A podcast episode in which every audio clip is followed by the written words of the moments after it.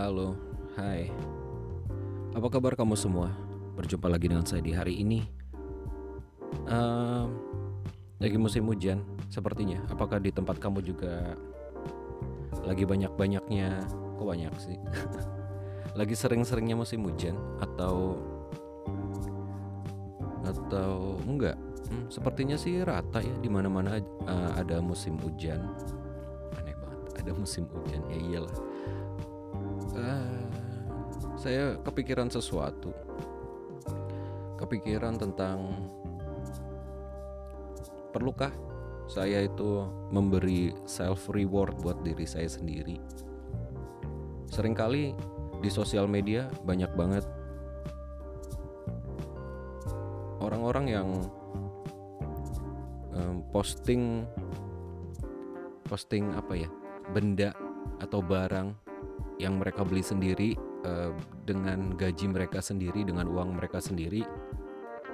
Terus mereka bilang ini adalah self reward karena em, berterima kasih kepada diri sendiri karena sudah bekerja dengan begitu keras dengan begitu tidak kenal lelah dan tidak kenal waktu ya pagi siang malam. Ada yang ya kayak gitu beli-beli sesuatu buat menyenangkan diri sendiri aja buat memberi apa ya namanya?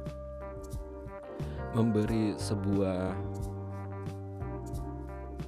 penghargaan terhadap diri sendiri.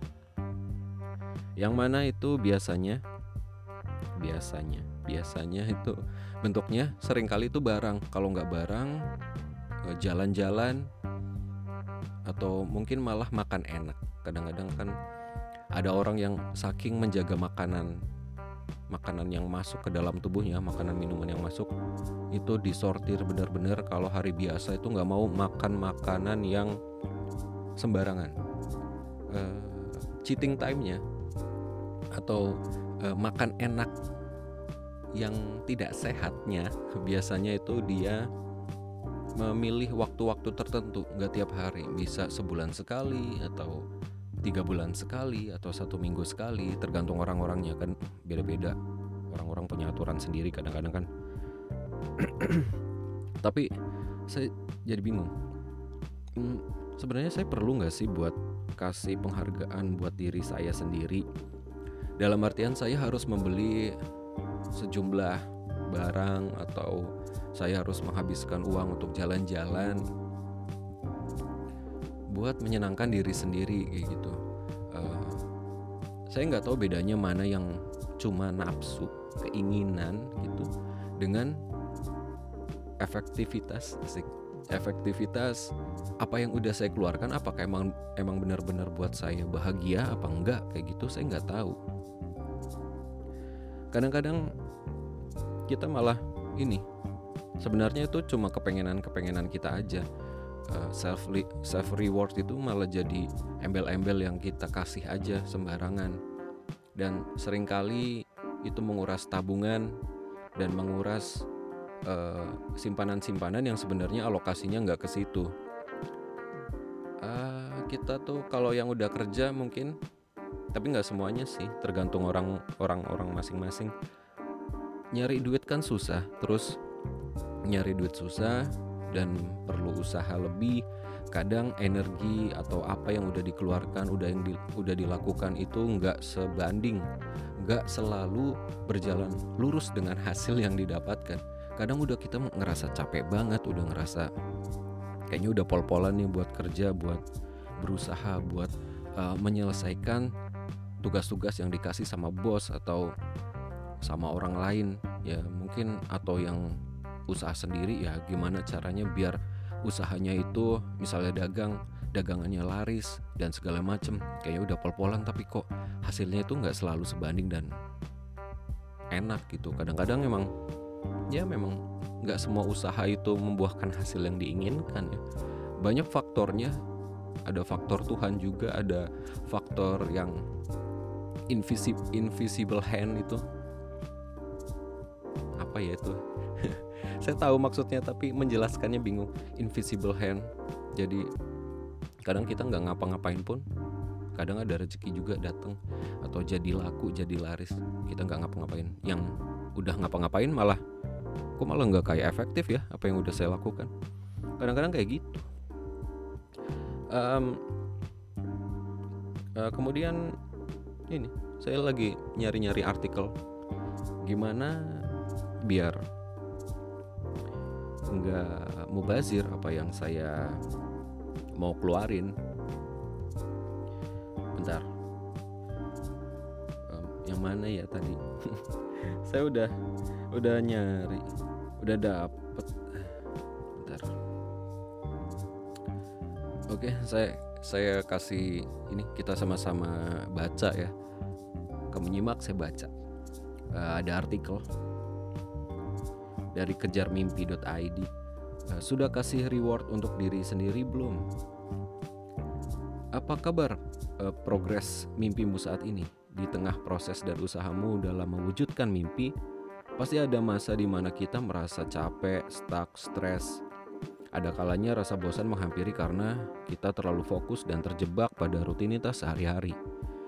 Wah, hal ini jangan sampai membuat kita terdemotivasi ya. Bayangin kamu udah kerja keras, ngeluarin seluruh jiwa dan raga hingga pencapaian saat ini. Walaupun belum sampai titik puncak, kamu tetap berhak bersenang-senang dengan memberikan penghargaan untuk diri sendiri alias self, self reward. Bukan narsis, tapi semua itu demi kebaikan kamu juga kok. Mengapa self reward itu penting? Rasa capek, bosan, stuck kalau dibiarin begitu, bisa-bisa kamu jadi stres dan depresi. Bahkan kamu nggak nggak bikin bahkan kamu nggak bikin kamu move on juga dari pekerjaan atau progres diri yang mau kamu capai. Gak mau kan?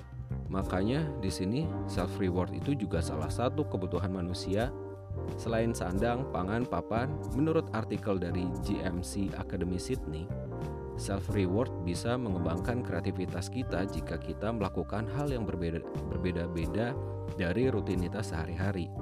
Jadi kalau kamu stuck nulis skripsi, coba rehat sejenak buat dirimu menghadiahi dirimu atas kerja keras yang sudah dilakukan bisa mengembalikan motivasimu ketika merasa ingin menyerah. Ketika kamu menghadiahi diri sendiri, otak secara nggak langsung melepaskan hormon dopamin yang membuat kita merasa baik dan bahagia. Hormon ini yang juga menjadi obat stres sehingga pikiranmu kembali fresh. Self reward juga bisa jadi bentuk rasa sayang pada diri sendiri dan semakin percaya diri lingkungan juga akan merasakan energi positif yang terpancar di dirimu. Meskipun penting untuk menghargai diri sendiri, tapi nggak semua reward bisa berdampak positif bagimu. Misal, kamu sudah berhasil mengerjakan satu bab skripsi, lalu kamu membebaskan diri bermain game seharian sampai lupa waktu. Atau kamu memberikan hadiah untuk diri untuk diri sendiri dengan makan sepuasnya. Tapi makanan yang dipilih kurang baik buat kesehatan. Self reward bukan berarti balas dendam setelah capek berusaha. Bukan berarti menunda pekerjaan yang nggak dilanjutkan lagi. Bisa-bisa kamu malah jadi malas ngelanjutin apa yang udah kamu mulai dan ingin kamu capai. Memilih bentuk reward yang salah nggak akan membantumu membangun kebiasaan yang lebih baik. Makanya kita harus pintar memilih hadiah yang tepat, hadiah yang tepat untuk mengembalikan motivasi diri.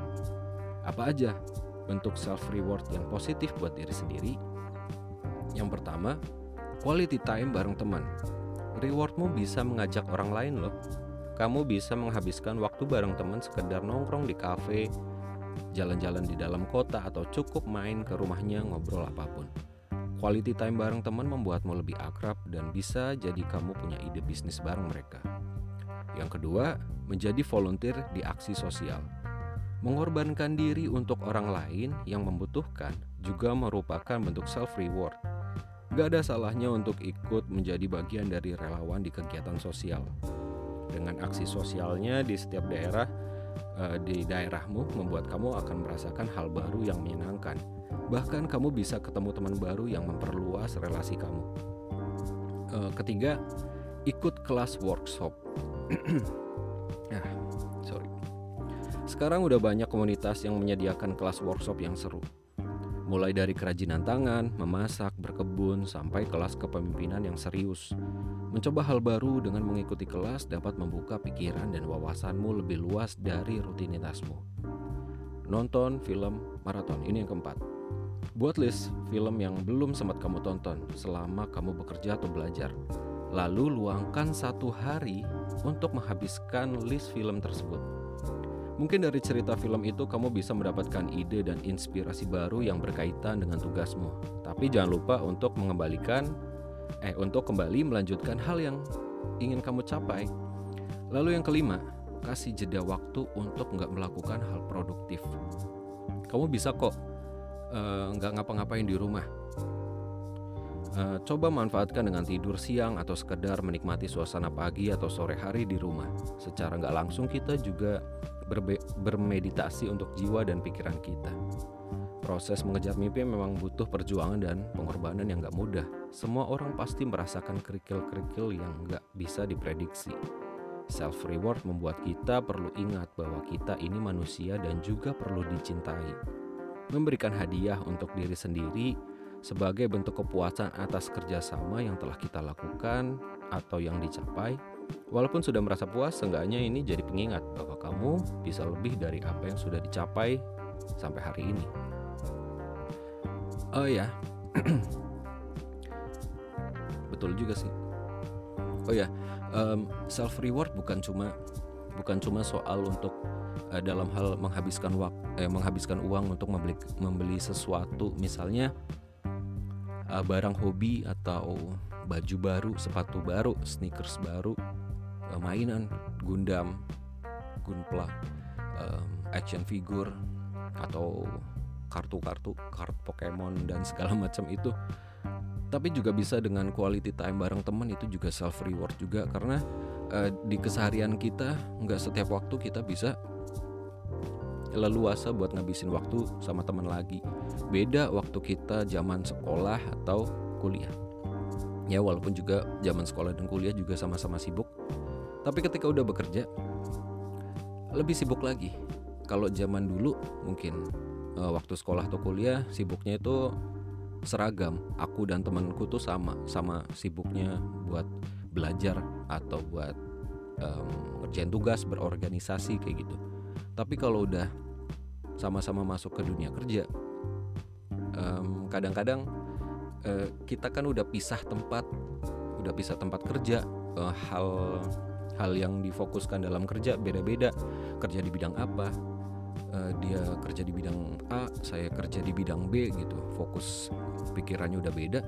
Terus udah sibuk sama waktu-waktunya, kemudian uh, set, uh, ketika di di waktu-waktu tertentu ingat oh ya saya punya teman ternyata tapi kok um, jarang ketemu sekarang karena sibuk dan uh, paling cuma DM DM atau komen like di sosial media doang tapi nggak pernah ketemu uh, mungkin bisa jadi ini self reward kamu buat nemuin dia nanti janjian buat ketemu akhirnya kangen-kangenan dan bernostalgia lagi dan bercerita lagi sama temanmu gitu atau juga bisa juga ini um, self reward itu identik dengan kita tuh memberi sesuatu sama diri kita berupa barang atau apa pun yang menyenangkan kita.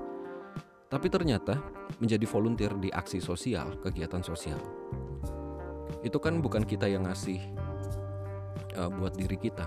Malah justru kalau di aksi sosial kita kan gak dibayar, kita relawan, kita mengeluarkan energi lagi bahkan uang lagi, tapi untuk kebutuhan atau kepentingan orang lain.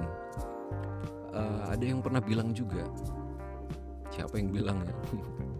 uh, berdasarkan apa yang saya rasa deh. Uh, dulu saya pernah juga uh, jadi volunteer, jadi pengajar juga di salah satu uh, desa buat kegiatan ya kegiatan ini kayak uh, sekolah sore agama tapi saya disuruh mengampu anak-anak uh, biar mereka ngaji gitu jadi guru ngaji dikit. Dan saya senang di situ. Di situ saya merasakan ternyata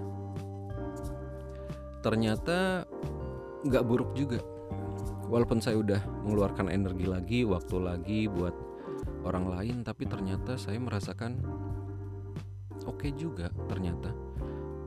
Um, ternyata memberi itu memberi kepada orang lain itu berbalik kepada diri sendiri dalam bentuk bahagia. Ternyata ngasih orang sesuatu itu membahagiakan.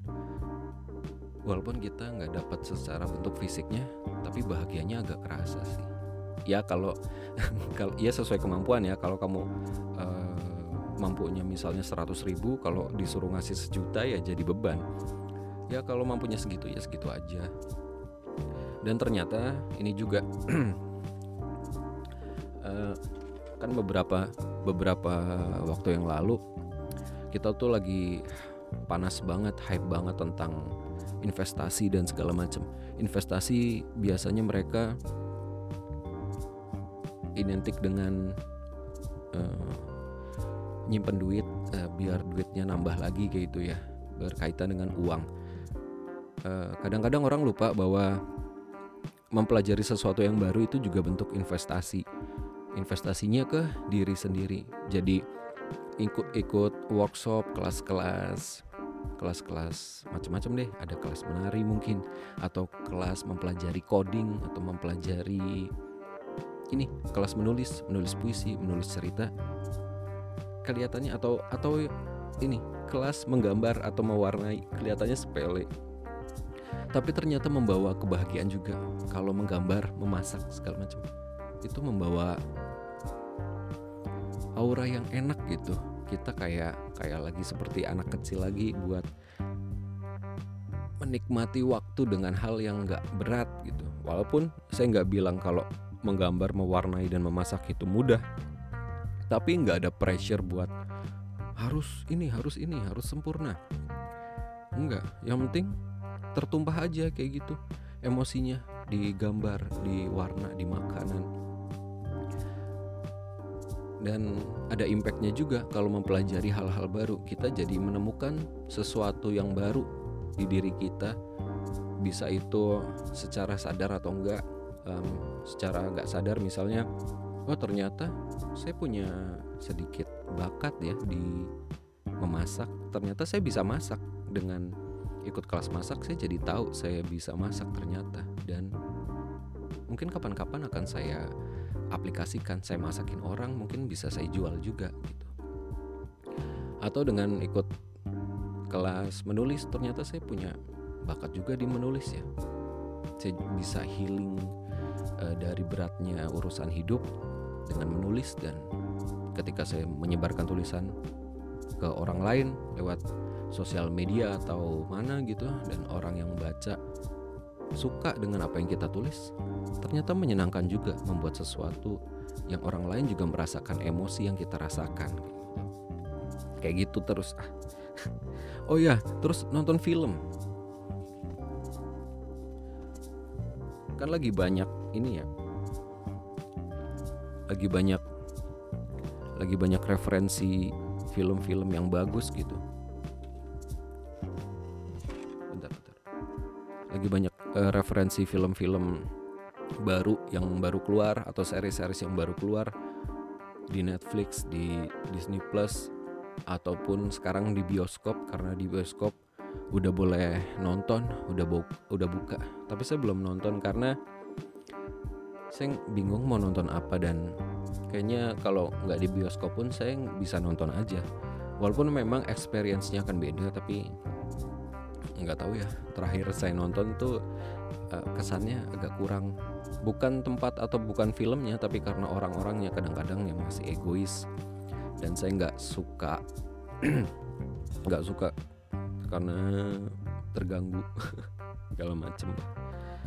Terus juga ternyata nggak ngapa-ngapain itu juga self reward kita boleh kok nggak ngapa-ngapain. Kita boleh nggak nggak melakukan apa-apa. Tiduran aja. Tiduran aja terus hmm, nonton nggak nonton. Kalau nonton itu ngapa-ngapain berarti? Um, berdiam diri. Melihat matahari pagi, melihat matahari sore, melihat bintang pas malam, melamun. nggak ngapa-ngapain deh nggak megang hp nggak ngapa-ngapain atau tidur istirahat tapi jangan kelamaan sih itu juga self reward untuk rest untuk istirahat tapi kalau tidur kelamaan itu nggak bagus juga dan hasilnya malah nggak nggak efektif karena ujung-ujungnya tetap aja ini tetap aja jadi lemes. Gitu. Kemudian kalau self reward itu um, ada kecenderungan buat seolah-olah ya. Seolah-olah ngasih kenikmatan-kenikmatan buat diri sendiri. Ngasih sesuatu yang uh, intinya biar kita seneng gimana deh caranya gitu. Berapapun harganya asal masih dalam batas kemampuan dijabanin dibeli dilakuin gitu. Tapi saya nemu artikel juga bahwa um, bahaya juga kalau kita itu selalu ngikutin apa yang kita mau. Kadang-kadang apa yang kita mau belum tentu kita butuh. Kadang-kadang kita nggak butuh tapi itu cuma perkara nafsu aja. Dan kadang-kadang penghargaan buat diri sendiri self reward itu bisa jadi narsistik dan dikit-dikit self reward dikit-dikit self reward dikit-dikit ngerasa udah capek dan pol-polan. Kan bisa jadi kayak gitu hmm, memberikan self reward buat diri sendiri itu memang penting. Kamu perlu lakukan ini buat diri kalian sebagai penghargaan atas kerja keras dan pencapaianmu. Wajib hukumnya loh. Uh, kenapa? Disebutkan dalam sebuah artikel dari The Academic Support Officer di kampus JMC Sydney hadiah bisa menjadi insentif yang bagus untuk membuat kita terus kerja bekerja menu, uh, menuju tujuan kita. Ada banyak manfaat yang sangat-sangat positif menerapkan self reward buat diri kita. Pertama tadi kan mood bisa meningkat, terus uh, kepercayaan diri juga meningkat, nanti berpengaruh ke produktivitasnya. Tapi self reward satu sisi bisa sangat-sangat positif buat kamu tapi nyatanya terlalu sering memberikan self reward itu bisa sangat berbahaya juga. Memberikan reward untuk diri sendiri memang akan membuat kita jadi termotivasi. Banyak pakar psikolog pun menyarankan bahwa setiap kita setiap kali kita berhasil semakin dekat dengan tujuan, self reward perlu diberikan atas pencapaian kita. Tapi jika terlalu sering memberikan self reward itu malah membuat kita kehilangan motivasi untuk melangkah menuju tujuan besar kita. Coba pikirkan lagi, apa aja yang udah kamu berikan kepada diri kamu sendiri sebagai self reward? Apakah itu berupa jajanan kopi di kafe-kafe yang bagus, yang instagramable dan uh, kopinya enak, nonton di bioskop, hangout bareng temen, atau shopping berbagai barang-barang yang sifatnya itu branded dan hype. Nah, kalau kamu hitung-hitung, berapa biaya yang biaya yang harus kamu keluarkan untuk mencapai self reward dari pencapaian pencapaian kecil itu. Bayangin deh, kalau tiap minggu atau bahkan hampir tiap hari kamu melakukan self reward dengan mengeluarkan biaya yang gak dikit, artinya kamu jadi semakin boros dan dompetmu sekarat.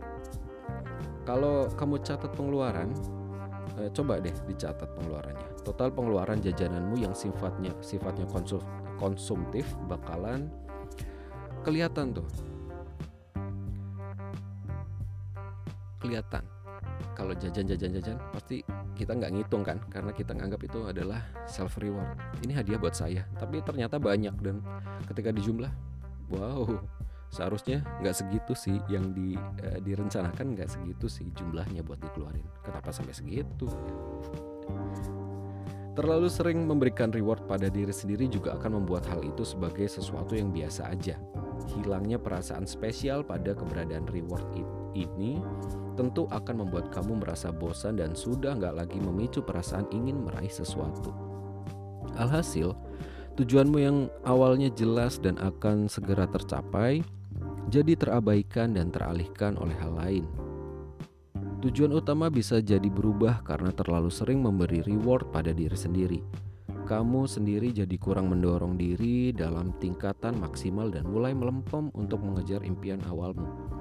Akhirnya, kamu mulai bersantai dan gak lagi mengusahakan tujuanmu dengan sepenuh hati. Kedisiplinan terhadap diri sendiri pun akan berkurang seiring dengan terlalu seringnya kamu memberi reward pada diri sendiri. Kurangnya disiplin pada diri sendiri ini bisa berimbas pada semakin menjauhnya kamu dari kesuksesan. Gak mau kan kalau semua impianmu gagal terwujud? Memberikan reward pada pada diri sendiri memang sah-sah aja. Apalagi sebagai bentuk penghargaan pada diri atas kerja keras yang telah kita lakukan. Tapi jika frekuensinya terlalu sering, bahkan mulai berlebihan, yang kamu dapat justru kerugian dan kegagalan. Terus harus gimana dong? Yang pertama, kalian harus tahu dulu nih pentingnya mengatur keuangan yang juga adalah bentuk self reward dari kerja keras kita selama ini. Gak mau kan udah capek-capek kerja terus uangnya menguap sia-sia. So, ya harus dipelajari tentang bagaimana caranya ngatur uang. Pastikan penghargaan yang diberikan pada dirimu itu relevan dan tidak bertolak belakang dengan tujuanmu. Misalnya kamu memiliki tujuan untuk menghemat lebih banyak uang dari hasil gaji bulanan. Kalau gitu jangan memberikan self reward dengan membeli barang mahal meskipun kamu sangat menginginkannya. Kamu nggak mau dong jadi tambah boros dan uang gaji cuma asal lewat aja di ATM. Memberi self reward bukan berarti tidak boleh membelikan sesuatu untuk diri sendiri. Agar gaji tetap aman, kamu bisa kok menentukan self reward dengan budget. Misalnya kamu membuat pos uh, pos self rewardnya dalam anggaran bulanan dengan nominal 100.000 misalnya. Artinya kamu hanya bisa membelanjakan sebesar anggaran yang udah kamu tentukan. tentukan.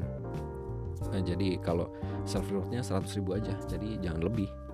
Jangan sampai mengganggu pos lain yang akan berakibat gaji itu kempes, bocor terus nggak tahu ke mana. Apalagi jika amit-amit ini sampai berhutang buat uh, memenuhi keinginan doang yang nggak penting-penting amat gitu.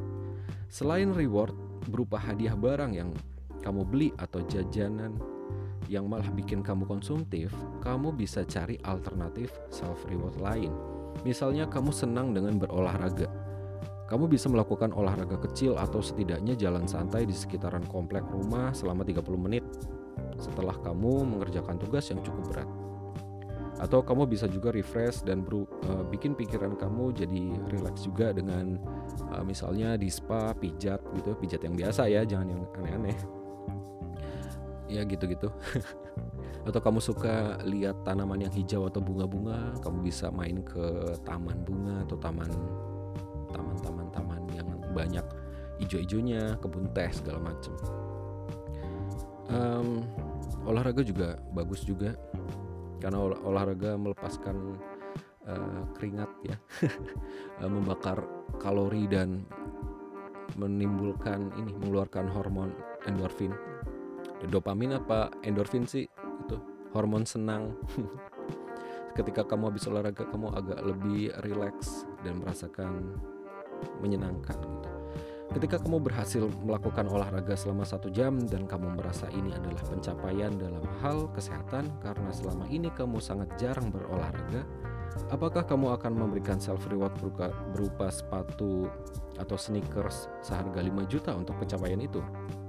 Kalau kamu anak sultan dan punya duit yang tidak mengganggu pos anggaran yang lain, ya silakan aja, itu hak kamu 100%. Tapi kalau kamu bukan anak sultan dan masih banyak tujuan keuangan yang ingin dicapai, udah deh, jangan manja dan ketinggian maunya. Berikan hadiah yang proporsional sebagai self reward buat pencapaian-pencapaian kecilmu. Intinya, sesuatu yang berlebihan atau kurang hasilnya tidak baik. Jadi, self reward itu penting dan harus tetap diberikan namun dalam porsi dan batasan yang normal. Ya. Ternyata um, selain self reward itu um, memberikan sesuatu, menghadiahkan sesuatu untuk diri kita sendiri. Uh, di artikel ini saya menyimpulkan bahwa self reward bagi orang yang bekerja itu adalah salah satunya bisa dengan manajemen uang yang baik. Self rewardnya itu. Kenapa? Kalau kita menghad tidak menghadiahkan manajemen keuangan yang baik, apa yang udah kita hasilkan dari kerja keras selama itu, eh selama ini ini bisa menguap gitu aja, hilang gitu aja. Jadi kita menghadiahkan manajemen keuangan yang keuangan yang baik, uh, tiap pos-pos pengeluaran itu dicatat dan harus ada batas maksimal untuk dikeluarkan berapa, sehingga tidak bocor ke mana-mana. Uh, misalnya kita itu udah kerja capek-capek, terus kita mau beli sepatu yang sekarang kan mahal-mahal ya, terutama edisi khusus yang collab sama siapa kayak gitu, apalagi dengan brand-brand yang terbilang internasional gitu. Brand-brand luar seperti Adidas, Nike, Puma, Vans dan segala macamnya. Ada yang ya jutaan deh. Ya satu juta sampai puluhan atau belasan juta bahkan. Itu ada. Tapi apakah ketika kamu mau beli kayak gituan? Ya memang kepengen ya. Ada siapa sih yang nggak pengen buat menuruti keinginan diri sendiri? Tapi apakah ketika kita udah sesuaikan dengan apa yang kita punya kemampuan yang kita dapat sepadan gak sih kalau kita ngeluarin uang hanya untuk sneakers yang mahal sedangkan kita bukan siapa-siapa? Maksudnya uh, duit kita juga ngepas sebenarnya dan tujuan buat beli sneakersnya apa? A apa ingin pengen dijual lagi? Sekedar koleksi buat pajangan atau emang buat investasi? Sedangkan kalau kita beli sesuatu yang mahal apalagi sneakers sepatu itu kan dipakai ya. Apa nggak jadi konyol ketika kita beli sepatu tapi kita sayang-sayang mau pakai sepatunya karena mahal? Terus fungsinya sepatu buat apa? Itu malah jadi kita yang susah sendiri gitu um, susah sendiri dan ya gitu deh. Tapi juga selain self reward hmm, harusnya kita adil sih. Kalau kita juga dapat hadiah dari apa yang kita bisa capai buat jadi motivasi kalau menurut saya harus ada self punishment juga. Dalam artian ketika sesuatu itu nggak bisa kita kita capai target yang kita canangkan kita tuliskan itu nggak bisa tercapai buat memicu dan untuk memperbaiki biar lebih cepat tercapainya itu kan kita harus lihat lihat kembali yang salah apa nih di bagian mana yang kurang efektif. Kita harus kasih self punishment buat diri kita sendiri. Misalnya kita kalau kamu ya masih belajar hmm, di kuliahan atau di sekolah kamu bisa ngasih self punishment. Misalnya kamu nilainya jelek di matematika jadi kamu di, dihukum untuk lebih belajar tentang materi di matematika itu lebih daripada pelajaran yang lain yang yang udah terhitung udah cukup nilainya dan yang lemah itu di matematik. Berarti harus lebih belajar lagi mengalokasikan waktu lebih banyak lagi buat belajar matematika. Atau di punishment slash uh, reward ya. Kamu kasih dirimu reward sekaligus punishment untuk mempelajari hal baru lewat uh, coaching-coaching atau klinik-klinik uh, kursus-kursus online yang membantu kamu buat mencapai target atau tujuan yang udah kamu tuliskan itu. Dan self punishment juga ya. Gimana kita bisa tahu itu gagal itu enggak itu berhasil dicapai itu enggak berarti kita harus monitoring diri sendiri. Kita harus melihat diri sendiri. Um, saya menemukan ini lagi nih tentang self monitoring um, pengertian self monitoring adalah konsep yang berhubungan dengan konsep pengaturan kesan impression management atau konsep pengaturan diri. Menurut Snyder dan Gangstead Gangstead bener gak sih? Pada tahun 1986, teori tersebut menitik beratkan perhatian pada kontrol diri individu untuk memanipulasi citra dan kesan orang lain tentang dirinya dalam melakukan interaksi sosial. Ini menurut Shaw dan Constanzo pada tahun 1982. Individu baik secara sadar maupun tidak memang selalu berusaha untuk menampilkan kesan tertentu mengenai dirinya terhadap orang lain pada saat berinteraksi dengan lingkungan sosialnya.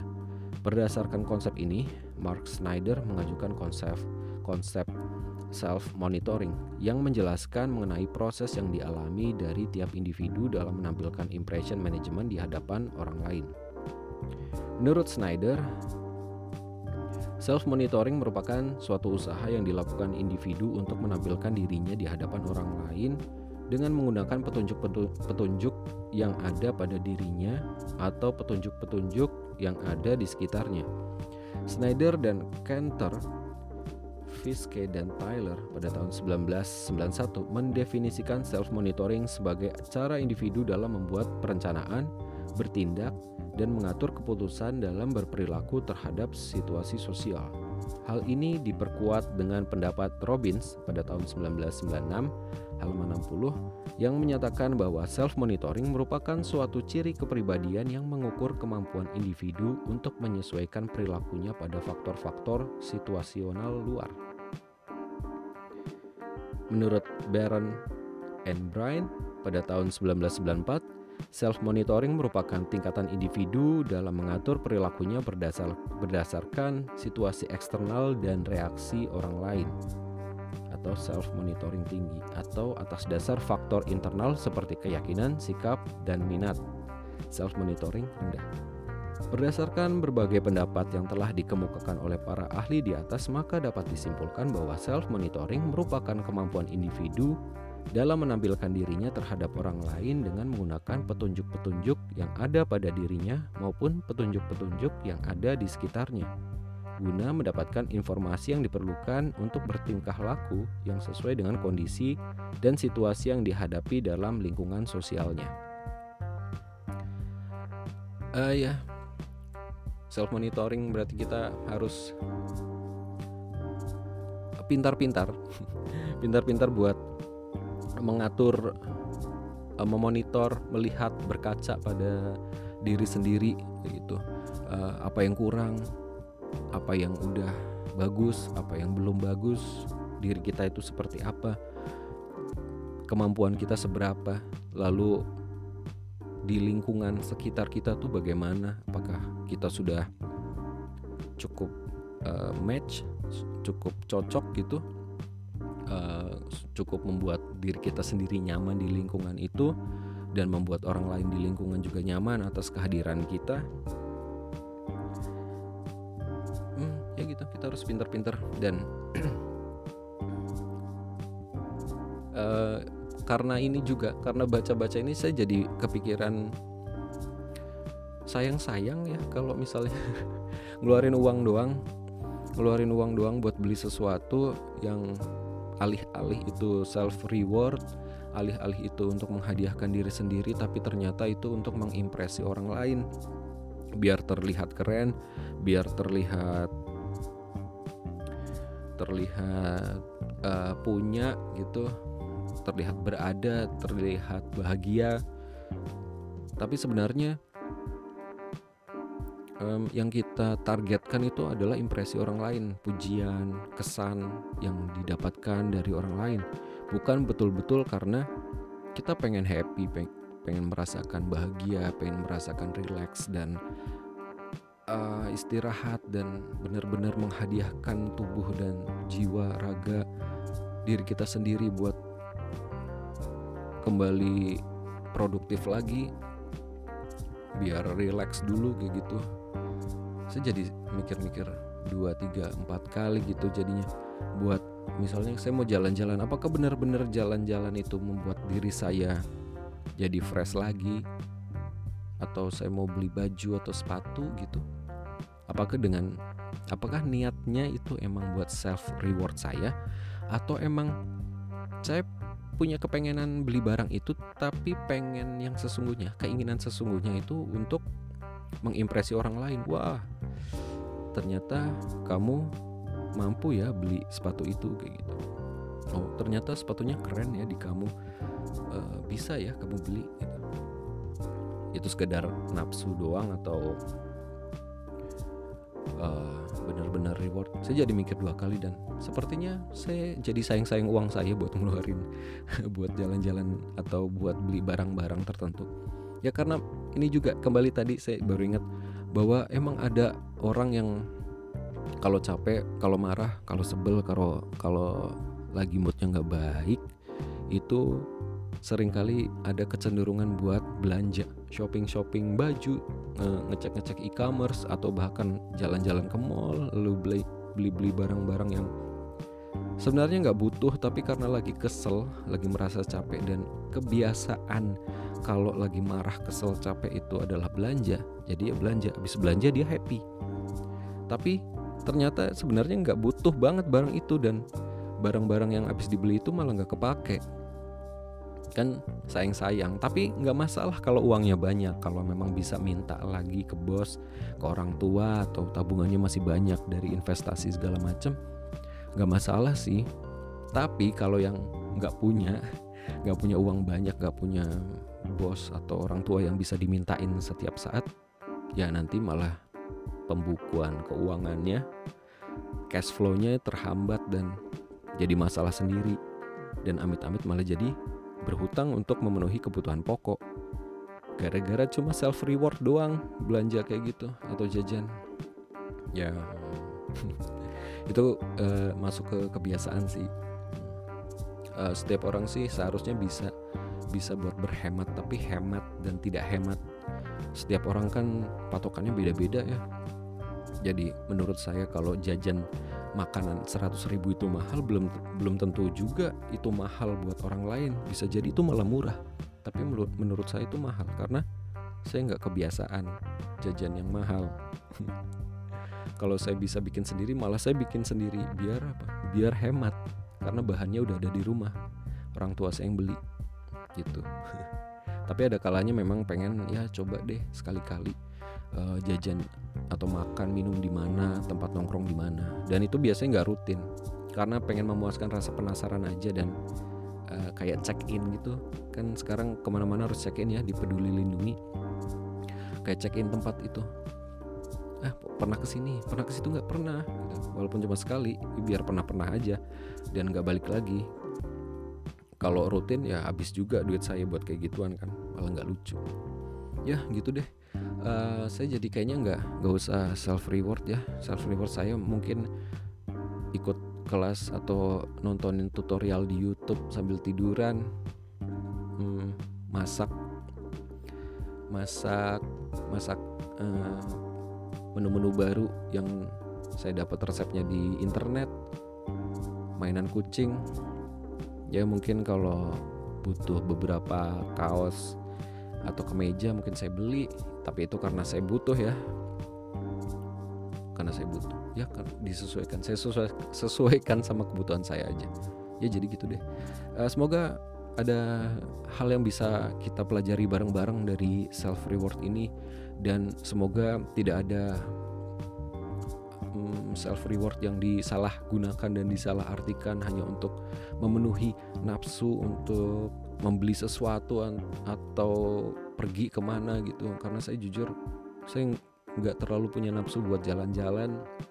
Saya anak rumahan saya juga nggak punya nafsu buat makan aneh-aneh. Karena saya terbiasa buat makan seadanya gitu adanya apa saya makan ya itu aja nggak apa-apa. Nasi doang juga nggak masalah. Walaupun kesel juga ya karena mungkin kan nggak enak. Ya kayak gitu deh. Ya semoga bermanfaat buat kamu dan uh, jangan lupa cerita kalau kamu pengen cerita silahkan kirim cerita di Alfa Bicara Podcast at gmail.com Silahkan follow sosial medianya di Alfa Podcast atau uh, akun pribadi saya di Faiz Jilang Selamat uh, selamat bertemu di kesempatan selanjutnya episode berikutnya. Kita udah lama nggak ketemu dan saya habis sakit. Udah lama nggak ngomong kayak gini di mobil ternyata. Agak susah juga tapi nggak masalah. Semoga kita bisa ketemu lagi di episode selanjutnya Alfa Bicara Podcast. Signing out. Bye bye.